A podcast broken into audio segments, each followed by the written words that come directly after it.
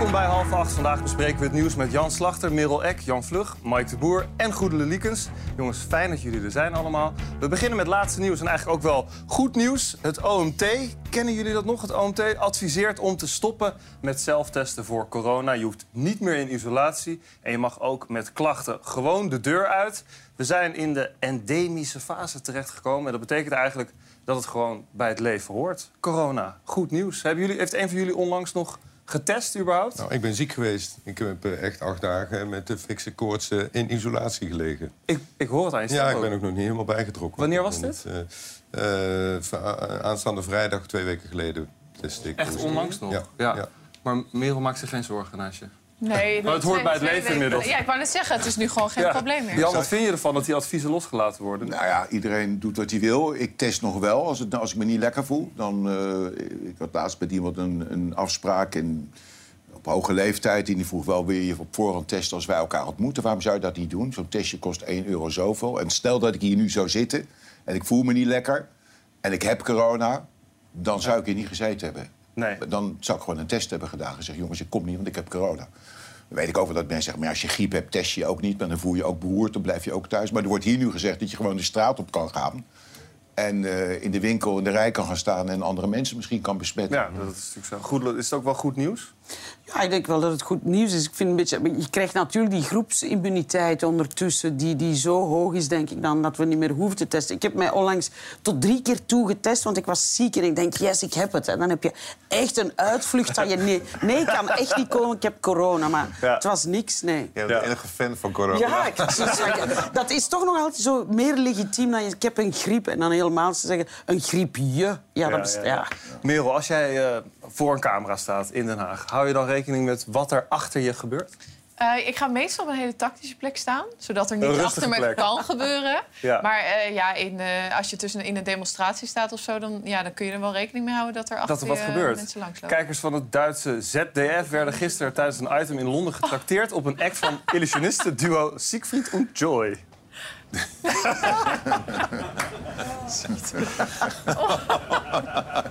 Die vrouw. It's Magic. magic. Leuk Nou. dit, toch? Het is wel heel vervelend als je het op, eh, net over een heel serieus onderwerp hebt of zo. En, en, En dan iemand op de opeens- achtergrond. Ja, Ja, ja. Jongens, we gaan naar het nieuws van vandaag. Toch wel een verrassende dag in de zaak rond de familie Hazes. Als André Hazes in 2004 overlijdt, meent Rachel Hazes recht te hebben op de erfenis van haar man.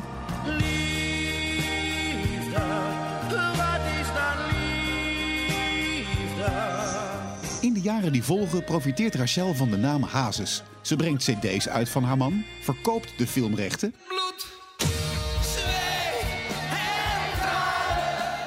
en organiseert al tien jaar het meezingfestijn Holland Zingt Hazes.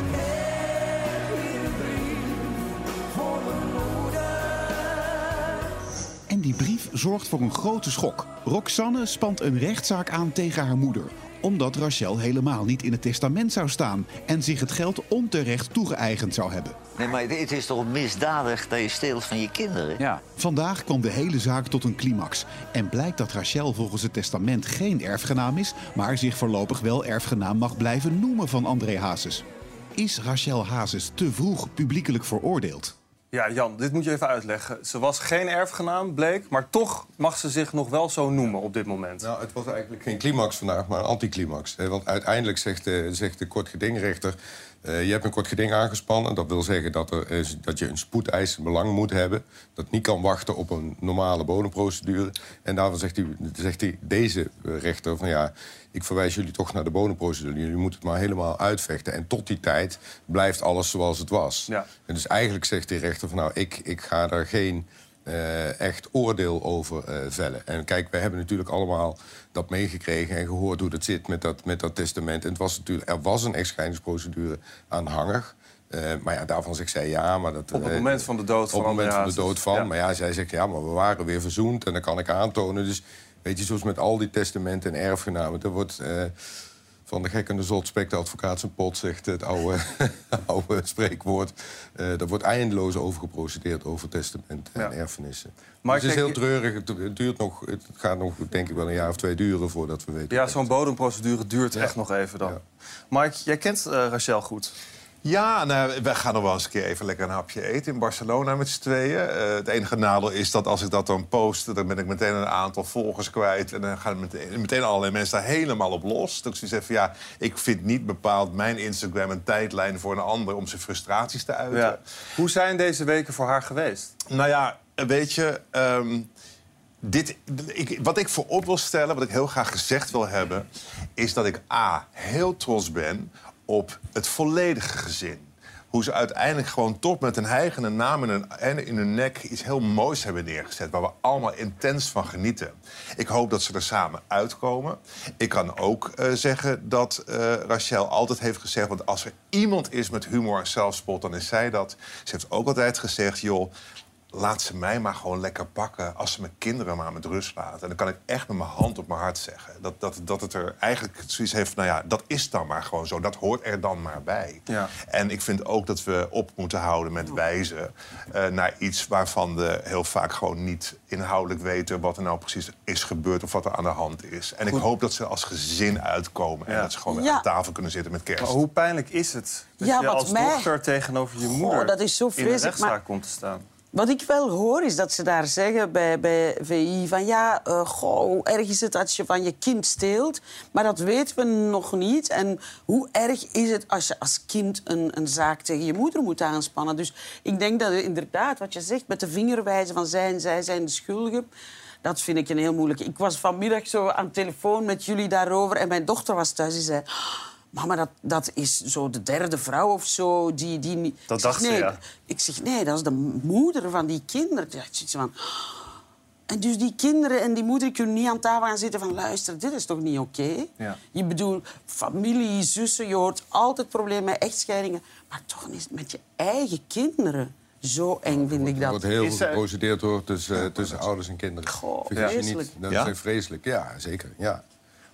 Eh, Jan, hoe, is er dan ook te vroeg publiekelijk veroordeeld, vind jij? Nou ja, kijk, dit had natuurlijk nooit in de openbaarheid moeten komen. Kijk, als jij een geschil hebt met iemand over een, over een testament... en dat gebeurt heel veel... eh, dan ga je daarover praten, dan kun je naar de rechter gaan. Maar het feit dat dit zo... Maar de familie Hazen is natuurlijk heel veel in de publiciteit geweest... de afgelopen periode.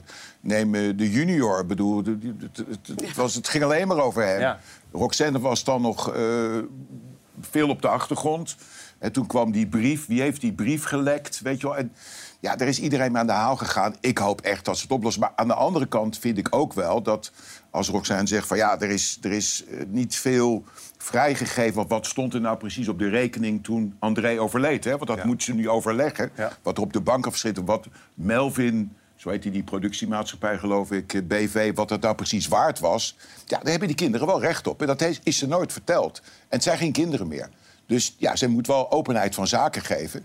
En wellicht dat we dan gaan horen hoe dat er voor precies Ja. in stil zit. Maar dat het zo publiekelijk eh, wordt behandeld door ons ook weer... ja, dat is, dat is verschrikkelijk. Ja, dat is- Wat jij net zei, Jan, dat het dus vaak gebeurt. Nou, inderdaad, uit onderzoek van Hart van Nederland blijkt dat 34, eh, of dat eh, drie kwart, nee, sorry, ik moet goed zeggen, 23 procent eh, van de Nederlanders wel eens ruzie heeft gehad binnen de familie over een erfenis. Ja. Heb, heb jij wel eens zoiets meegemaakt? Dat er over geld geruzied wordt? Ehm, ja, ik denk dat we dat allemaal wel eens meemaken. Weet je? Dat je dan denkt, ja, maar is het allemaal wel goed en is het allemaal wel eerlijk gegaan en zo. Maar ik wil nooit iemand uit mijn familie schofferen, want eh, dat vind ik gewoon niet classy. Ja. Maar ik denk dat we allemaal wel eens een keer in het klein zoiets meemaken. Ja. Ja, maar pijnlijk Het dat kan, het het zo... kan soms over een simpel boek zijn wat je, wat je geërfd hebt, wat bij een ander in de kast Heb jij je testament eigenlijk goed geregeld? Ik heb mijn testament goed geregeld, ja, absoluut. Jij, Goedele? Ja, ik ben twee jaar geleden heel ziek geweest. En toen heb ik wel mijn testament geregeld. tot, tot op het moment dat ze zeggen... oh ja, de behandeling stopt en we doen nu nog wel hè, om de zoveel tijd een testje. Maar dan laat je het ook meteen weer vallen. Dan doe je de Ja. follow-up ook niet meer. Dus je moet dat eigenlijk bijna met mes op de keel, anders doe je dat niet. En eerlijk gezegd, bij mij in de familie is daar geen ruzie over geld. Daar gaat het alleen over wie krijgt de, de grootste krop sla uit de tuin van mijn papa. Weet je? Weet je dat is het enige wat daar te vind? Is dat ik- verdienen Is is. dat ik uiteindelijk, als die erfenis dan verdeeld moet worden... dat er hele grappige dingen gaan gebeuren, dat ik dat niet meekrijg. Ja. Ah, ja. Dat ik dan al dood ben. Ik, had zo, Ja. ik wil zo graag Maar je weet het zien. niet, hè? misschien kan je wel meekijken. Nou ja, wie weet, vanaf ja, boven. wie weet. hey, jongens, eh, hier aan tafel, wie heeft er wel eens wat gestolen? Per ongeluk misschien, uit de super... Per ongeluk. Ik heb wel eens wat gestolen. Wat heb je gestolen? Ja, als kind eh, was het een, een sport om bij eh zelfbedieningszaak van de Berg... om daar een spekkie te pikken, weet je wel. Die stonden dan bij de kassa. Ja. En, eh, Dat was een van die, sport. van die duim- ja, nou ja, sport, we vonden het ook lekker. Ja, maar ja. dan werden er loodjes getrokken wie er dan duim erop moest gaan halen. Oh, ja. en toen was ik eh 8, 9, ja. Dus, eh, Mike, heb jij wel eens Ik heb een keer een eh, chocoladereep gejat. Dat was in de zomer. Het enige wat ik aan had een was... chocoladereep. nee, maar het enige Wat ik aan had was, aan had was een zwembroek. En mijn moeder komt aanlopen. Boefje dus ik ook, gooi hè? dat ding in mijn zwembroek en vergeet dat. Vervolgens loopt een soort bruine drek aan de binnenkant van mijn benen. En zegt mijn moeder, ach god jongen, voel je je zo slecht? Ga maar even liggen. En die heeft mij de hele dag fantastisch Dit heb jij net gewoon hier verzonnen. Nee, dat is echt waar. Dit is echt In waar. Egmond aan zee. Oké. Ja, met de familie. Waarom ik er naar vraag, politie maakt zich eh, zorgen over de forse toename van winkeldiefstallen. Afgelopen januari was met ruim 3800 geregistreerde winkeldiefstallen... en vooral bij die zelfscankassa's het slechtste begin van het jaar ooit. Winkelen doen we al lang niet meer zo. Goedemorgen meneer. Wat een weertje, hè? De kruideniers hebben natuurlijk plaatsgemaakt voor grote supermarkten. Na decennia lang in de rij te hebben gestaan voor de kassa, kunnen we tegenwoordig alles afrekenen bij de zelfscankassa. Die is bedoeld om de doorstroom te bevorderen en de kosten te besparen. Wat blijkt, er wordt nog nooit zoveel gestolen als vandaag de dag. Dat is eigenlijk eh, nou, wat toch wel wekelijks van een aantal keren. Het is blijkbaar moeilijk om de verleiding te weerstaan om niet alles te scannen. Mensen moeten toch eh, voorzien in hun primaire levensbehoeften eh, en zoeken wegen om daaraan te kunnen voldoen. Waarom stelen we bij de zelfscankassa? Ja. Goedele, waarom doen we dat toch? We kunnen de verleiding niet weerstaan. Ja, nee, weet je wat raar is? Bij mij is het net omgekeerd. Bij die zelfscankassa heb ik echt zoiets van... oh, hier word je ongetwijfeld heel erg in het oog gehouden. Er staan overal camera's, dus ik, ik moet zeer ostentatief zo tuut. En Jij wordt dat ik- zenuwachtig van de Ja, dat ik zelfs twee keer dingen tuut. En wat ik wel eens voor... niet de bedoeling, hè? Dat is niet de Ja, dat ik zo van, oké, ik doe het echt heel goed. Ik, doe- ja, ik heb lang bij de nonnen op school gezeten. Dus dat- Komt het ook omdat je bekend bent? Dus je denkt, als ze mij nu betrappen... Maar ja, zo bij de Albert Heijn in het station denk ik niet dat ze mij herkennen of zelden. Dus, dus dat Nee, valt nog wel mee. Maar wat ik wel dan alles voor gehad heb, is dat je dan zo... Oh ja, nu een zakje. En Ja. dat ik bij het buiten gaan, volgens mij moet je eigenlijk dat zakje ook afrekenen. Maar ik ben toch niet teruggegaan. Oh, oh, oh. Jan, doe jij dat wel eens? Nou nee, ik, ik Jij doe ook bent de daar- zelfstandkassa. En, en ik, vind het, ik vind het echt een eh wereld. Je hoeft niet meer in de rij te staan. Maar wat, ik, wat, wat er wel veel gebeurt... Ik was van de week nog bij eh, de Jumbo... en dan heb je twee bekertjes yoghurt... en dan doet die, die barcode doet het niet. Nou, dan moet je op een knopje duwen. Dan komt er een juffrouw, die, gaat het, die kan die code niet lezen. Die gaat het... Nee, verkeerde code, nog een keer.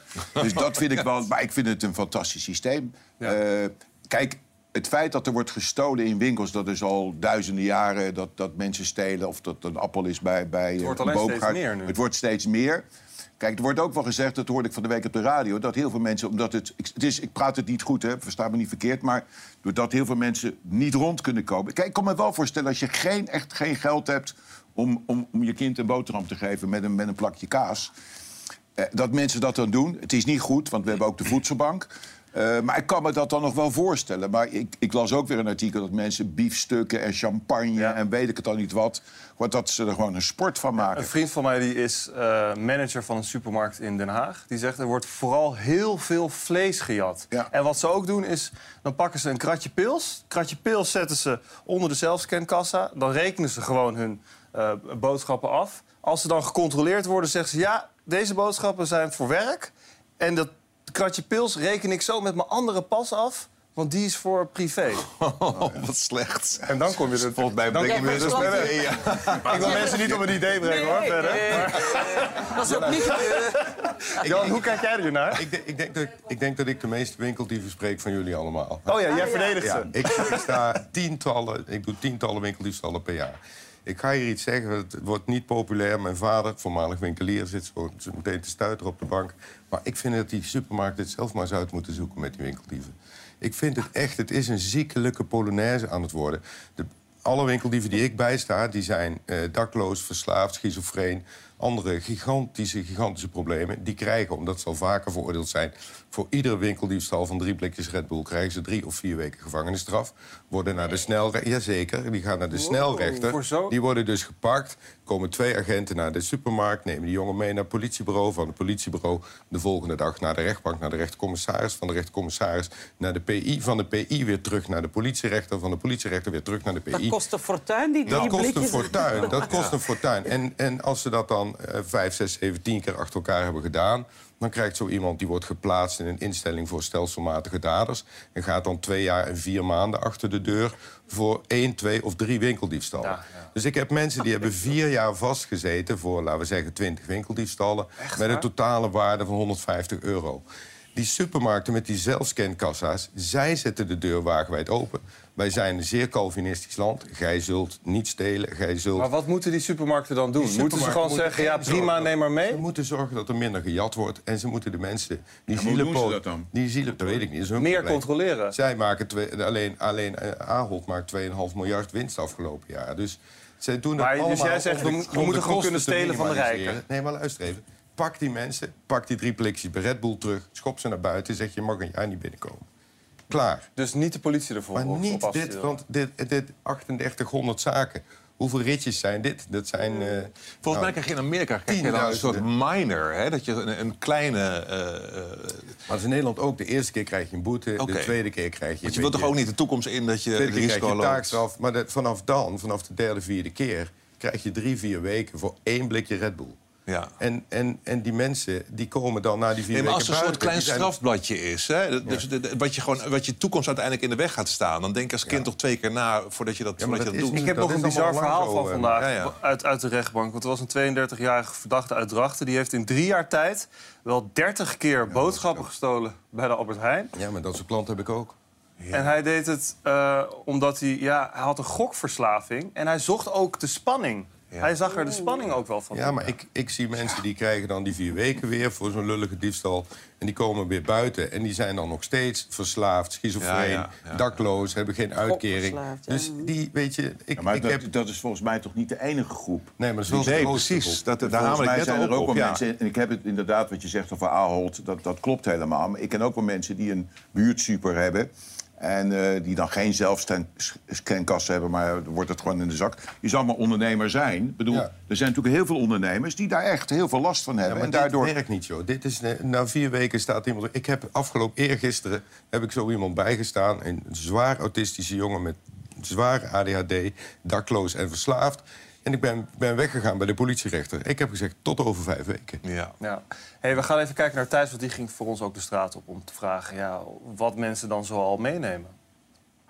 De traditionele kassa maakt steeds meer plaats voor de zelfscan en het leidt ook tot meer diefstal. De vraag is, yes we scan of vergeten we wel eens wat? Ja, ja, ja, ja. Bewust? Eh, Nee, nee. Ik ben zo eerlijk. Ik vergeet het niet. Nee, oprecht niet. Serieus niet. Ik denk gewoon, eh, ja, ik werk gewoon voor mijn geld, toch? Ja. Ik let er altijd goed op, want ik ben altijd bang dat ik betrapt word. En weet je wat het nadeel ook is? Je mist het menselijk contact. Daar ben ik het helemaal mee eens. Een reden om dat niet te doen. Als er één product is waarvan je denkt, nou, dat zou dan toch wel handig zijn om die per ongeluk mee te nemen. denk kipfilet eh, deze dagen. Oeh, die is prijzig hè? Eh, ja, 9 euro eh, nog wat volgens mij voor drie kipfiletjes. Van lekker ossehaas. Ook wel lekker, man. Ja. De meeste mensen worden gepakt. Zijn condooms. Ja? Ja, dat is het duurst. En, eh, Ja, Het ligt ook aan hoeveel je gebruikt natuurlijk. Ja, dat wel. Dat, wel. dat, dat verschilt Als je pakje per dag nodig hebt, Ja. net als jij met die kauwgom. Dat verschilt per persoon. Dat is Thijs. Ehm, ga jij, herken jij dat, die spanning eigenlijk?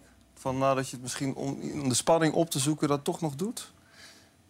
Jij haalt die spanning uit andere dingen. Nou, krijgen we dit weer. Maar dat is, heel, maar dat is helemaal niet, dat is hand, helemaal eh, niet bedoeld. Eh, dat is gewoon een, dat is gewoon een hele Nee, ik moet, normale ik moet er even over nadenken. En Ik zie, ik zie het heel veel jonge kinderen doen. Maar het is een beetje hetzelfde verhaal als wat jij eh, net vertelt eh, toen je, toen je jong was. Dat, het, het is ook een soort spel. Het Ze vinden het ook heel vaak heel grappig. En, dan ze staan je elkaar een beetje op te, wachten, kijken of het hem het? wel Ja. lukt of zo. Want ja, dan krijg je een dit van de, van de supermarkt-eigenaar. Ja, dat, eh, dat is toch klaar? En dan lach je toch uit. Iets anders goedelen. We belden je vandaag op. Vroegen, ja, waar wil je het graag over hebben? Besnijdenissen. Waarom? Ja, kijk, in, in België is het aantal jongensbesnijdenis, want daar gaat het over, hè, eh, genitale verminking, ja. van, verminking van jongens, is een enorme vlucht aan het nemen. Dat is echt de voorbije jaren gestegen. Wij zitten op 44% van de jongens in 2020, dat zijn Ja. de laatste cijfers, die besneden zijn. En dat, is, dat gebeurt op zeer jonge leeftijd, vaak op acht dagen oud, ehm, omdat het bij bepaalde release onder andere zo is. Maar dat, dat is eigenlijk verminking. Dat is een... een ja, dat is tegen de rechten van het kind. Want je, een, een perfect gezond lichaam ga je een stuk van afsnijden. Een perfect gezond stuk, wat nooit meer aangroeit. Het gebeurt ook vaak vanuit geloofsovertuiging, toch? Ja, dat gebeurt, maar dat is niet de grote groep. Dat is niet de allergrootste groep. En, en ik heb niks, want er is natuurlijk zoiets als godsdienstvrijheid. Heel langwettelijk. Ja. Maar er is natuurlijk zoiets als godsdienstvrijheid. Wacht, ik ga zo. Hè. En, en dat is heel belangrijk, maar dan hoef je dat niet te doen op heel jonge leeftijd. Dan kunnen jongens daar van 16, 17 nog zelf voor kiezen. En in de States is de hoofdreden natuurlijk... Daar, want daar zijn heel veel jongens eh, besneden. En dat is destijds ontstaan vanuit een soort preutsheid, vanuit angst. Want dat is zo. Bij, bij kinderen, zolang je ja, 14, 15, voor je 14, 15, 16... is die vooruit een beetje verkleefd. En moet je... Ik zit hier ook constant zo te doen, maar... Dan moet je dus eigenlijk die beweging doen. Dan moet je dat aanleren aan je kind, aan je zoontje. Als die zich doucht, als die zich was. En dat is natuurlijk... Oeh, voor die preutse Amerikanen... Ja, dat lijkt toch wel een beetje op een seksueel eh, leuk spelletje. Dus om dat te vermijden zeggen ze, we gaan maar die voorhuid alvast weghalen. En zo krijg je een hele cultuur van mensen die zeiden van... ja, maar dat is hygiënischer, blijkt onzin te zijn. Ehm, dat minder ziektes, zelfs op een bepaald moment geweest dat ze pleiten... dat het minder baarmoederhalskankers en zo... blijkt allemaal niet... Het Allemaal sop- achterhaald. Ja, allemaal achterhaald. Het verschil is wel heel groot als je kijkt naar die cijfers tussen België en Nederland. Daar meer dan 40 procent, hier 10 tot 15 procent. Ja. Waar komt dat verschil vandaan? Ja, ik, ik heb me daar in het parlement al heftig over opgewonden. Dus je ziet ook van... Omdat... Je gaat nu toch niet zeggen dat in België dat er veel nauwere voorhuidjes zijn dan in Nederland. Hè? Zo, zo erg is het niet. bij- Oh nee, zo doen ze dan. Maar, maar dus... Waarom begin je zo te giechelen? Nee, ja, nee. Ja. En Nee, ik, maar ik, Het heeft te maken, wat, wat we net ook al zeiden, natuurlijk, dat, dat, dat bij ons wordt het niet vergoed en bij jullie wel. Ja, het is gewoon een business. Het is een dikke business, dat is het zo. En wil- ik wil meteen opmerken, die 10% in Nederland is ook te veel. Want 1% is medisch verantwoord. Dus die andere 9 of, of 14% is ook onzin. Hè? Maar dus bij ons wordt het vergoed. En, en dat is één grote reden. Natuurlijk, ja, dan is het makkelijk. Zo'n besnijdenis, het, de, het ziekenfonds betaalt dat terug tussen de 500 en de 1000 euro voor één. En ik ken dokters die er zo 15 op een dag doen. Ja. Die Porsche is rap afbetaald zo, hè? Goed dat ze dit doet, het pleidooi, eh, een pleidooi voor de Ik voorhuid. denk dat het heel goed is dat het bespreekbaar is, ja, absoluut. Dat, dat, eh, maar ik hoor ook best wel in mijn omgeving dat, dat mensen vaak te last hebben van een hele nauwe voorhuid. En dat het erg kan nog gaan ontsteken en zo. Ja, dan denk ik dat het op zich wel goed is. Dus ik denk dat het, inderdaad wat jij zegt, dat dat heel belangrijk is. Dat je een kind voldoende de tijd geeft om oud genoeg te zijn om daar zelf over te kunnen beslissen. Ik merk een beetje ongemak bij dit onderwerp. Ja, je ziet zo. Oh, nee, hoor. bij Oh, nee, mannen hoor. zo. Oh nee? Hoor. Nee, ja, Zijn ik jullie bedoel- eigenlijk besneden? Ik ben niet besneden. Ja, ik wel. Ja. Maar ik wel. Ja. Ja. Nee, kijk, nou, nou, Lekker, zijn eh. helemaal niet Maar ongemakkelijk. ik ben, Lekker zeg duidelijkheid, ik En ben niet tegen Ik besnijdenis, hè? Ik ga niet dat, dat er... Waarom zei jij lekker, Mike? Wat zei ik? Jij zei lekker. Zei ik lekker? Ja. Zei ik dat? Ja, dat zei je. Of was ik dat? Ik dacht... eh, dat Wa- het maar waarom vind jij het lekker? Ja, want nu wordt het pas... iets- Waarom vind je Eh, het fijn? Nou ja, ik, ja, jij zegt dan net dat het inderdaad qua hygiëne niet eh, beter is. Maar zo voelt het dan weer wel. Ik vind het altijd wel ja, schoon en netjes. Maar ik wel altijd dat ik... Ik zal niet naakt zonnen, want dan voel ik me altijd naakter... dan dat er een netjes handtasje omheen zit, om het zo maar te zeggen. Ja, het kan ook heel rommelig Voelt worden, hoor. Maar daar gaan we het niet over hebben. Ja. Ja, maar het is wel belangrijk. Er is niks tegen besnijdenis als je daar zelf voor En jij kiest. En, zeker niet Ik als zei er- net al, ik ben niet, ben niet besneden. Nee, nee, nee. Ik weet alleen nog niet van andere Jan. Ook niet? Nee, ook niet. Ik ben er zeer aan gehecht. Letterlijk. Jeetje, Ja, maar kinderen, dat kan je niet Ja. doen. Je Jan, kan... waar ben jij beland? Wat voor Een uitzending? hele mooie uitzending. Nee, nee, ik, eh, ik, Ja. ik vind dat, dat, dat, dat eh, Goed heeft zeker een punt. Kinderen die, die acht dagen oud zijn. Eh, ja, dat, dat, en als het niet nodig is, waarom zou je het dan doen? Nou ja, het gebeurt natuurlijk ook nog vaak door allerlei eh, Mhm. amateurs. Hè? Ik bedoel, kijk maar eens op, op YouTube kun je die filmpjes wel vinden. Nou, ik, Ja. is nou En niet je- zo smakelijk gebeuren. Er is zelfs een Nederlandse advocaat die dat doet bij eh, Joodse jongetjes. Zullen we het over politiek hebben? Ja, Je kijkt me heel Dit is geschrokken aan. politiek. Ja, dit is ook politiek in België is het politiek. Ja, maar de site kieshard.nl is vanochtend live gegaan. Eh, we hebben jullie gevraagd om die in te vullen. Het is een soort kieskompas, maar net weer anders. Het is eigenlijk persoonlijke vragen die je invult. Dus ik had er eentje opgeschreven over... Wordt het, ja, dat is dan wel inhoudelijk. Wordt het platteland te, te veel, vaak vergeten? Zou je van, hou je van winkelen zonder iets te kopen? Ehm, voel je je wel eens onzeker? Hele persoonlijke vragen. Maar daar komt dan een politicus uit. Uit jouw provincie in aanloop naar die provinciale Die op jou staatsverkiezingen. Die op jou lijkt. Die dicht bij jou staat. Dus we hebben het jullie laten invoeren net hier voor de uitzending. Eh Goedele, jij bent uitgekomen... Je hebt Noord-Brabant gekozen. Je bent uitgekomen... Wie denk je eigenlijk? Van deze vier? Ik ken geen een van de vier Nee, mensen. het zijn natuurlijk allemaal, eh, uit, allemaal mensen uit de provincie. Wie denk je? Als je nu naar het beeld ik, kijkt. denk, ik ga voor Heidi, maar dit lijkt Nee. meer een quiz dan... Het was Evelien. Evelien Oh. Raps eh, van Volt. Die past het allerbeste bij jou. Want zij Maar dan is... hebben ze niks gevraagd over de kledingstijl. Zou ze niet bij Zij is eventmanager, mediaproducer, eh filmmaker... en haar speerpunten armoedebestrijding en inclusiviteit. Mike, jij bent in Noord-Holland uitgekomen op Fred Sanders... van Fred. een lokale partij, Ja. AWP. Fred, dit is jouw man. Ja. Hij zegt, mijn leven is begonnen en speelt zich af op en rond het water. Een echte waterman. Heb jij dat ook? je bent toch op hem uitgekomen. En Jan, jij bent uitgekomen, vond ik eigenlijk wel verrassend. Maar misschien is het helemaal niet zo verrassend. Jij bent op de Boer-Burgerbeweging uitgekomen. Heidi Loy. Geen, geen foute partij. Nee, Nee. Daar, had- Dus- had je dat van tevoren gedacht? Nee, weet ik niet. Nee, had ik niet verwacht. Dat is op zich... eh, Maar goed, je, je vult iets in en eh nou, hij die mag er zijn, toch? Ik bedoel, Ja. Eh, dit is uiteindelijk geen stemadvies. eh, Nee, het is, want je kan dus op een partij komen waar je eigenlijk nooit voor zou eh, stemmen. Maar het is ook, en misschien kom je wel op een partij waar je voor wilde stemmen. Ook als je bijvoorbeeld het inhoudelijke kieskompas invult. En dan heb je gelijk een gezicht bij de partij. eh, want dat, dat blijkt wel dat heel weinig mensen maar weten wie er op die lijsten staan van die provinciale statenverkiezingen. We kennen die mensen eigenlijk niet. Terwijl wel de helft van de kiezers zegt dat ze dat eigenlijk wel heel belangrijk vinden. Dus dan is zo'n eh, hulp wel heel leuk. En als je wel bij een partij komt waarvan je dacht, nou, daar zou ik nooit op stemmen. Dan zie je dus wel dat ook bij zulke partijen mensen zijn die eigenlijk heel veel op jou lijken qua hoe je in het leven staat. Of, eh, en, en dat kan dan misschien weer eh, eh, laten zien dat ondanks dat de partij is waarvan je helemaal misschien niks wil weten, er toch mensen zitten die dicht bij Uitzending hem zijn wel staan. heel veel persoonlijke vragen. Er zitten een aantal politieke Aantal vragen politieke bij. vragen, Dus ja. daar kom je ook wel, maar het is ook wel heel veel persoonlijk. Ja, hè? Dus ja, ja, ja. Van, van, eh, nou ja. Dus, nou ja, Nee, vandaar dat het geen stem benieuwd bij wie ik ben. Ja, dat, dat moest ik wel even zeggen. Jan, jij bent op de Partij van de Arbeid uitgekomen. Oh, dat is heel goed. Dat klopt helemaal. Ja, klopt. Klopt helemaal.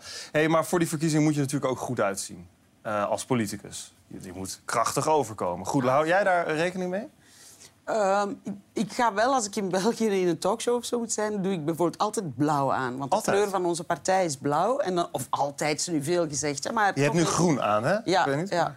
Ik weet het, maar Je bent in jij, kan, Nederland. voorals, jij kan vooralsnog niet op mij eh, stemmen. Dat kan waar, ook veranderen, maar...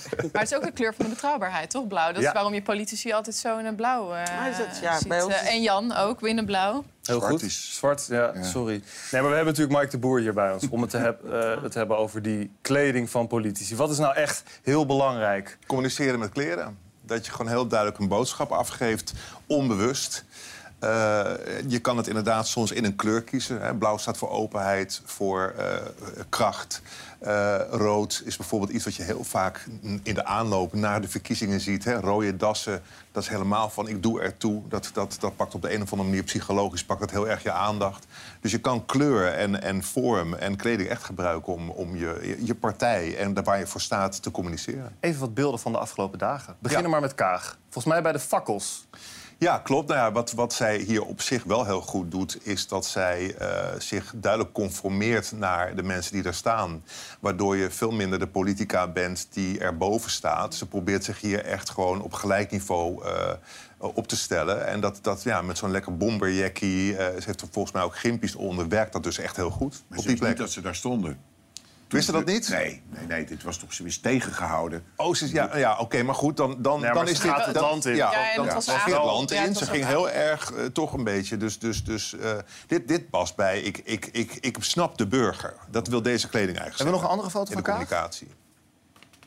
Hier? Ja, dit is... eh, Heb jij deze gemaakt, Merel, bij de persconferentie? Ik weet het niet meer. Oh ja, ja, heel Dat is een stiekem. slechte foto. Van Ja, over het algemeen is zij eh, best wel vrij mannelijk gekleed. gekleed. Het, het is bijna alsof ze zich eh, inderdaad gewoon een beetje probeert eh, op hetzelfde niveau te zetten als haar mannelijke collega's. Die gimpen staat altijd heel erg voor beide benen op de grond. Ik zie persoonlijk natuurlijk altijd liever een wat elegantere schoen onder zo'n pak, want dan houdt het ook nog iets vrouwelijks. Ja. Eh, dit zwart, ja, ik zeg altijd, zwart in de politiek is gewoon sowieso een no-go. Dat, eh, dat, dat is alleen maar voor begrafenisondernemers en voor kelners, zeg Ah, ik. jammer dat ik net zwart eh, ben. ja, En precies. Ja, ja, of het kleedt af, dat kan, dat kan het ook voor zijn. Ehm, en ik, Wat vind je ja, van haar haar? Ik vind haar haar iets te pornoblond. Ik vind dat het, eh, wat mij betreft... Oh. Dat is eh, beter dan als je er een heks noemt. Ja, nee, maar je kan, je kan, je kan eh, door een omgekeerde kopselij te doen... kan je hem iets rustiger maken. Want je, je moet... Wat, je, wat je- is porno blond precies? dat hele uitgesproken, lekkere, hoogblonde. Dat is, vrouwen houden heel vaak graag vast aan het oude. Dat is waarom bijvoorbeeld ook spijkerrokjes heel lang nog gedragen worden.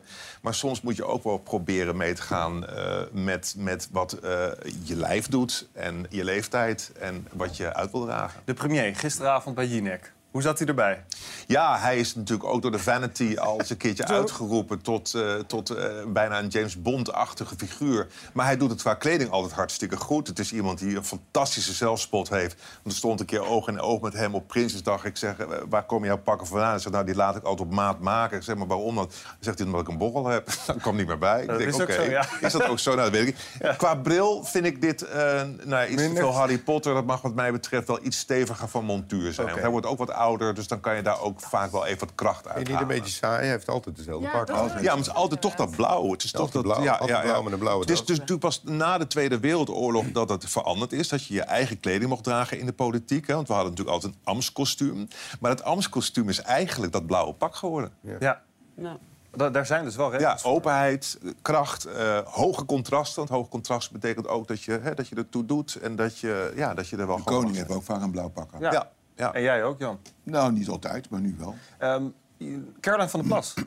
Ja, die zag ik vandaag eh, of, of deze week voorbij komen. Dat het, vandaag? heeft ze nou serieus eh boerenzakdoeken om laten toveren in een soort van kamerjas. Dit was de bedoeling dat Ja. ze dit op Prinsjesdag aan zou hebben. Ja, oh, hij is nog dat niet af, het? Oké, had ze nog niet af. En dit was vandaag in, Dit was in vandaag. Ja, ja, is one of the guys zeg ik altijd een beetje bij haar. Het is natuurlijk iemand die eh, ja, toch altijd wel heel erg met de stoere jackies en dat soort dingen. Ik, ik zou haar graag, ik heb met haar aan tafel gezeten laatst. Leuk gesprek achteraf gehad. Ik zou graag willen adviseren dat dat stoere, zoals je hier ziet, hè, die leren jackies, dat mag. Maar probeer altijd iets te kiezen van een vrouwelijkheidje. Dat je een, een, een, een voile, een, wat, een, wat, wat, wat, wat, een stof waar wat, wat, wat beweging in zit. Want dan houdt het iets vrouwelijks. Ik vind wat ze hier om heeft, het lijkt wel een woondeken, joh. Die leg ik op mijn bank neer. ja, maar een leuk mens. Leuk En, mens eh, verder. Ja, ja, hartstikke leuk. Over het algemeen, ja, wat voor cijfer geef je aan onze politici in aanloop naar deze verkiezingen? Ik zie dat heel veel mensen zijn. Dus ik kan alleen maar advies geven. Om, nee, maar advies geven om, om... In Amerika eh, ga- zit, is een heel team bezig met wat draag je uit en hoe, Ja. hoe communiceer je. Dus, dus daar zijn gewoon goede mensen voor. Ik geef het over het algemeen eh, zes. En hou jij dit ook aan de rest van de uitzending? Nou ja, eh, ik weet dat dat van jou weer terug moet. Dus het eh, zegt ook wel een beetje wat over jouw kledingkeuze, toch? Dankjewel voor deze sneer. Merel, je komt net uit eh, Den Haag. Ja. Daar is, natuurlijk, we zagen Caroline van der Plas ook. Er is een belangrijk debat vandaag eh, geweest over stikstof. Na een zomer vol protesten. En de redder des vaderlands, Johan Remkes, eerlijke verhaal is dat de maatregelen tegen stikstof veel te lang vooruit zijn geschoven. leek het de goede kant op te gaan met het stikstofbeleid. Maar nu komen de provincies in opstand. In een groot aantal provincies zeggen coalitiepartijen CDA en VVD tegen de kiezers dat ze tegen het landelijke stikstofbeleid zijn. Het gaat om acht provinciale afdelingen van het CDA en vijf van de VVD. En dat leidt tot spanning. Ik vind het wel zorgelijk, de geluiden die ik nu uit de kieswijzer hoor.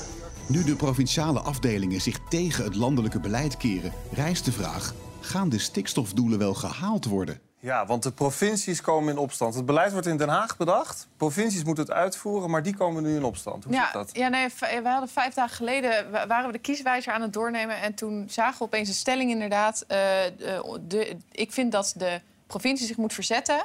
Moet in opstand moet komen tegen de landelijke stikstofbeleid. En toen dachten we, laten we eens even gaan kijken bij alle eh, provincies hoe dat dan precies zit. En bleek inderdaad dat VVD en CDA eh, best wel op veel eh, plekken gewoon daarvoor zijn, het ermee eens zijn.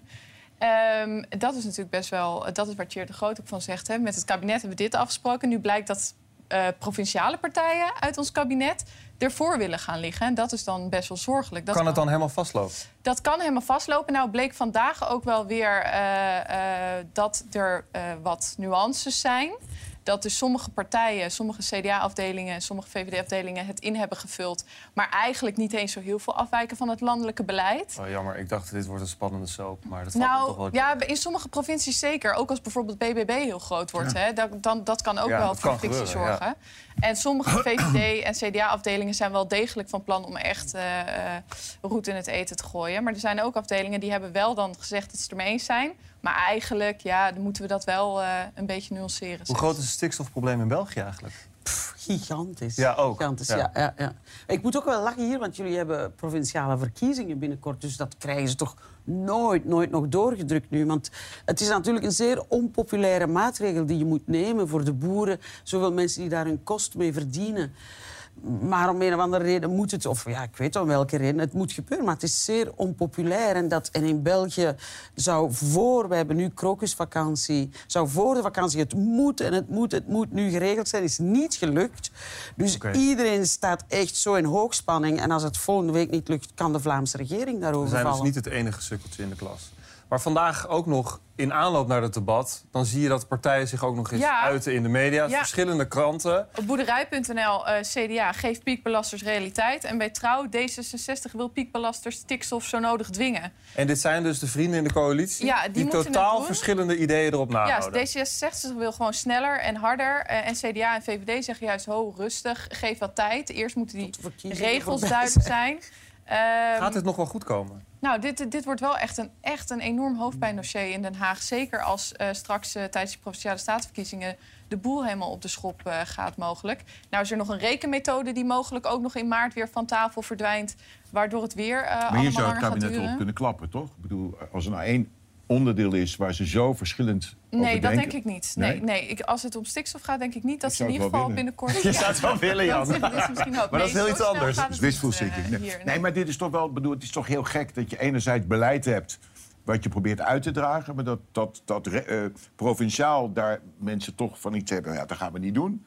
Eh, en en, en de, ze spreken elkaar tegen. eh, Ja, nee, ja nee, maar en dat is wat het zo lastig gaat maken. En eh, je hebt- ik- Overijssel heeft bijvoorbeeld al een plan ingediend die zegt... ja, luister, 2030, dat gaan we dus niet doen. Dat is veel te dichtbij.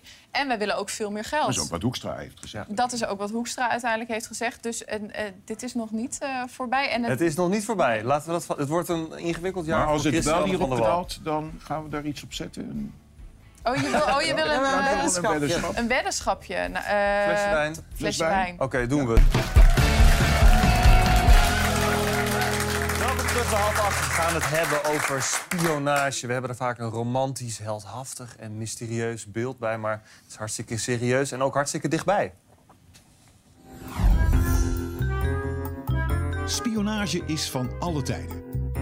Maar de man in de lange jas met een hoed heeft al lang plaatsgemaakt voor digitale spionage op cruciale infrastructuur. Ook de Nederlandse chipmachinefabrikant ASML is gevoelig voor spionage. De politiek grijpt in en Wopke Hoekstra zet deze week Russische diplomaten uit.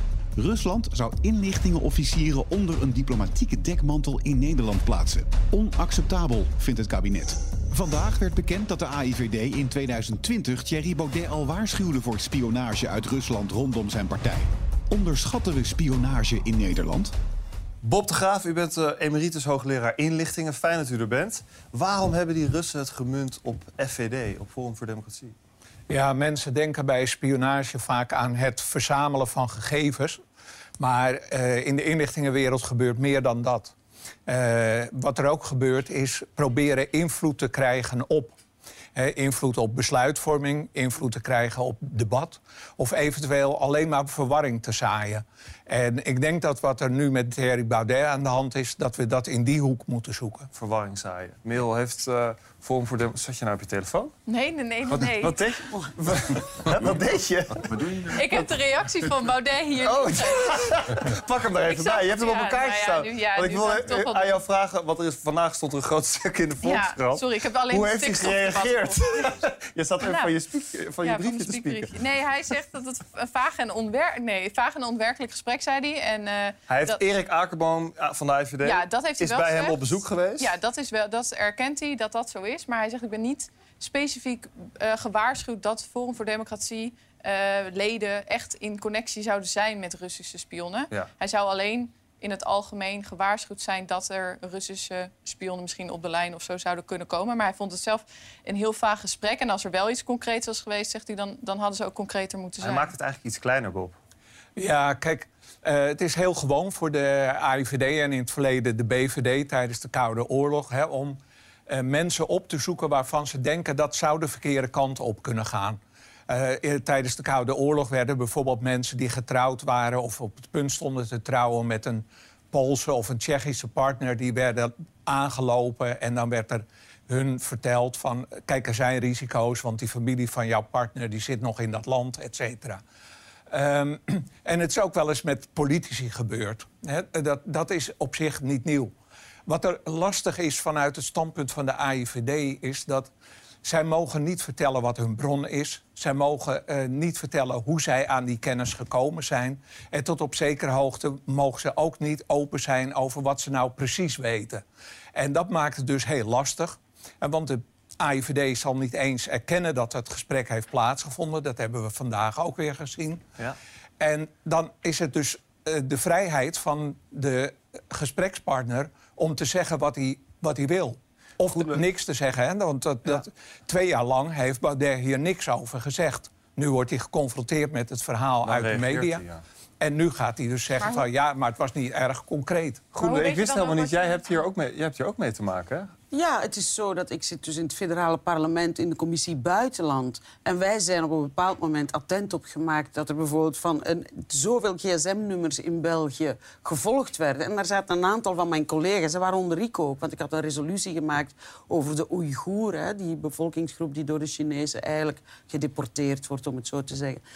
En, en dus dan blijkt, dan komt dat ineens te weten van kijk, die gsm-nummers worden gevolgd. Dus en nu is het heel duidelijk advies als ik bijvoorbeeld naar de Chinese ambassade ga... of zelfs met de ambassadeur van Taiwan of zo ga lunchen... niet alleen van zet je gsm uit, maar laat hem gewoon, neem hem niet mee. Ik ken daar allemaal niks van. Mij lijkt dat een beetje hocus pocus en een beetje te ver gaan. Maar Dat is wel het blijkbaar advies. kunnen ze dan van, van kunnen ze een soort spyware zonder dat ze je gsm in, in hun handen hebben, zouden ze dat kunnen installeren? Ja. Ik, weet het niet hoor. Bob, hoe gaan, Ja, die, ja, spi- hoe gaan die spionnen hier in Nederland te werk? Want eh, vroeger uit de verhalen was het altijd... ze deden een krant open en daar keken ze dan doorheen. Dat doen ze nu niet meer, toch? Nou, nee. Als we bijvoorbeeld praten over het proberen te werven van menselijke bronnen... Hè, dat is een vrij langdurig proces.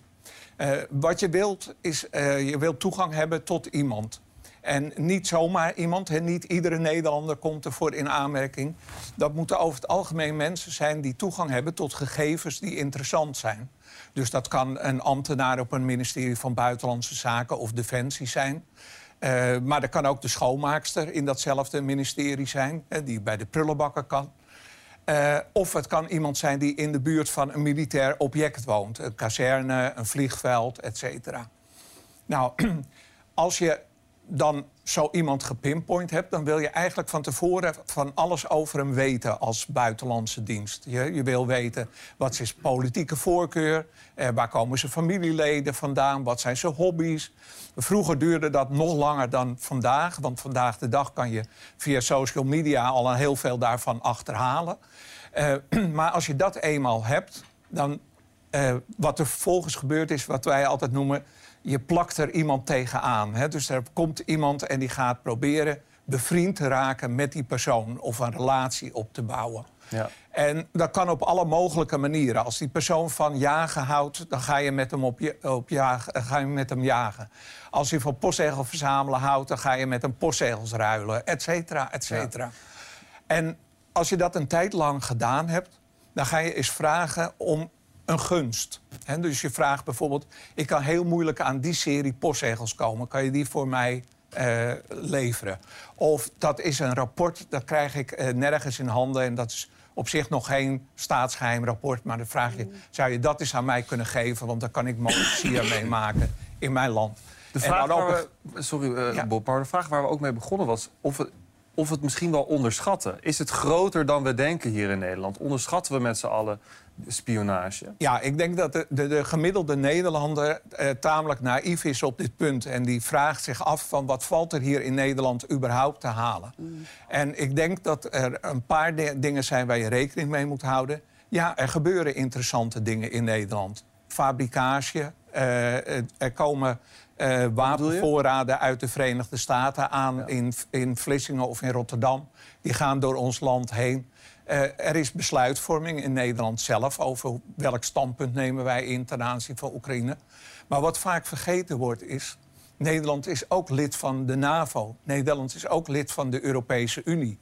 En het is mogelijk om via Nederlanders te achterhalen wat er in vergaderingen van de NAVO en de Europese Unie wordt besloten. En dat is interessant voor Rusland om te weten. Want als daar breuklijnen zitten, dan kunnen ze proberen die uit te vergroten. Bedankt Bob voor de uitleg dat je hier kon zijn. Ehm, wie van jullie gebruikt Flitsmeister? Ja, Coyote, iedereen toch wel, toch? Coyote, ja. Eh, want mocht je nog naar Duitsland gaan, dan is het oppassen geblazen. Voor bestuurders is het niet toegestaan die app te gebruiken. Maar nu is er ook een bijrijder op de bon geslingerd... omdat hij de app gebruikte voor de bestuurder naast hem. Jan, maak jij er veel gebruik van? Ik maak er heel veel. Hij staat altijd aan. Ik heb zo'n kastje in mijn auto. Dan gaat hij auto, want je vergeet hem vaak aan te zetten. En, eh, bij Flitsmeister leveren ze ook een kastje. Gaat hij automatisch aan. Dus ja, het is de beste app die er is. Ja. Vind ik. Ja, ja toch? Nee, absoluut. De beste app die er is. Ja, nee, een hoop geld. Dus hoeveel geld heeft het jou gescheeld, Mike? Nou ja, ik had op een gegeven moment een snelle auto gekocht. En ik had na eh, een maand, geloof ik, iets van zeven te hard rijden bonnen in, de- in de buurt. In een maand? Ja. Hoe hard rijd jij? Eh, hard. ja, ik vind het heerlijk. Echt, ik gebruik die alleen om te zien hoe snel ik ben. Nee, maar het is soms ook echt wel handig. Ja. Hè? Bijvoorbeeld in Frankrijk, dan is het 130. Dan is het ineens 110. Dan is het weer 90. Daar mag je ook dan... niet gebruiken in Frankrijk. Maar eh, we hebben nog eh, een mooie flitspaal gevonden.